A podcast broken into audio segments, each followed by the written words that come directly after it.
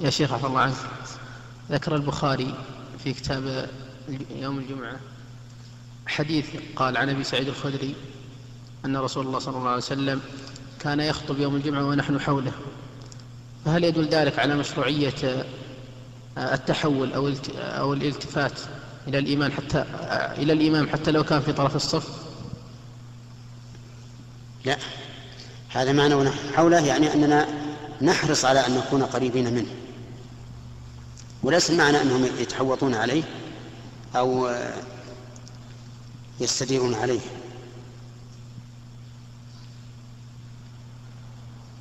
إنما فيه أن أن الرسول عليه الصلاة والسلام كان يخطب ويحرصون على أن يأتوا قريبين منه وإلا فهو يخطب الناس وهم على صفوفهم.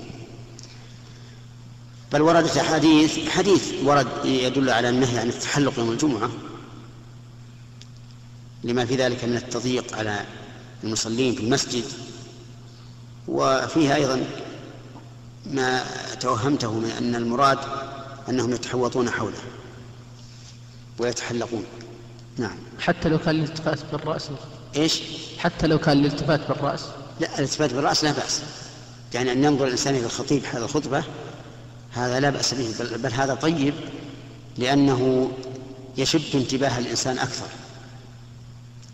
وقد روي عن الصحابة رضي الله عنهم أن النبي صلى الله عليه وآله وسلم كان إذا خطب استقبلوه بوجوههم.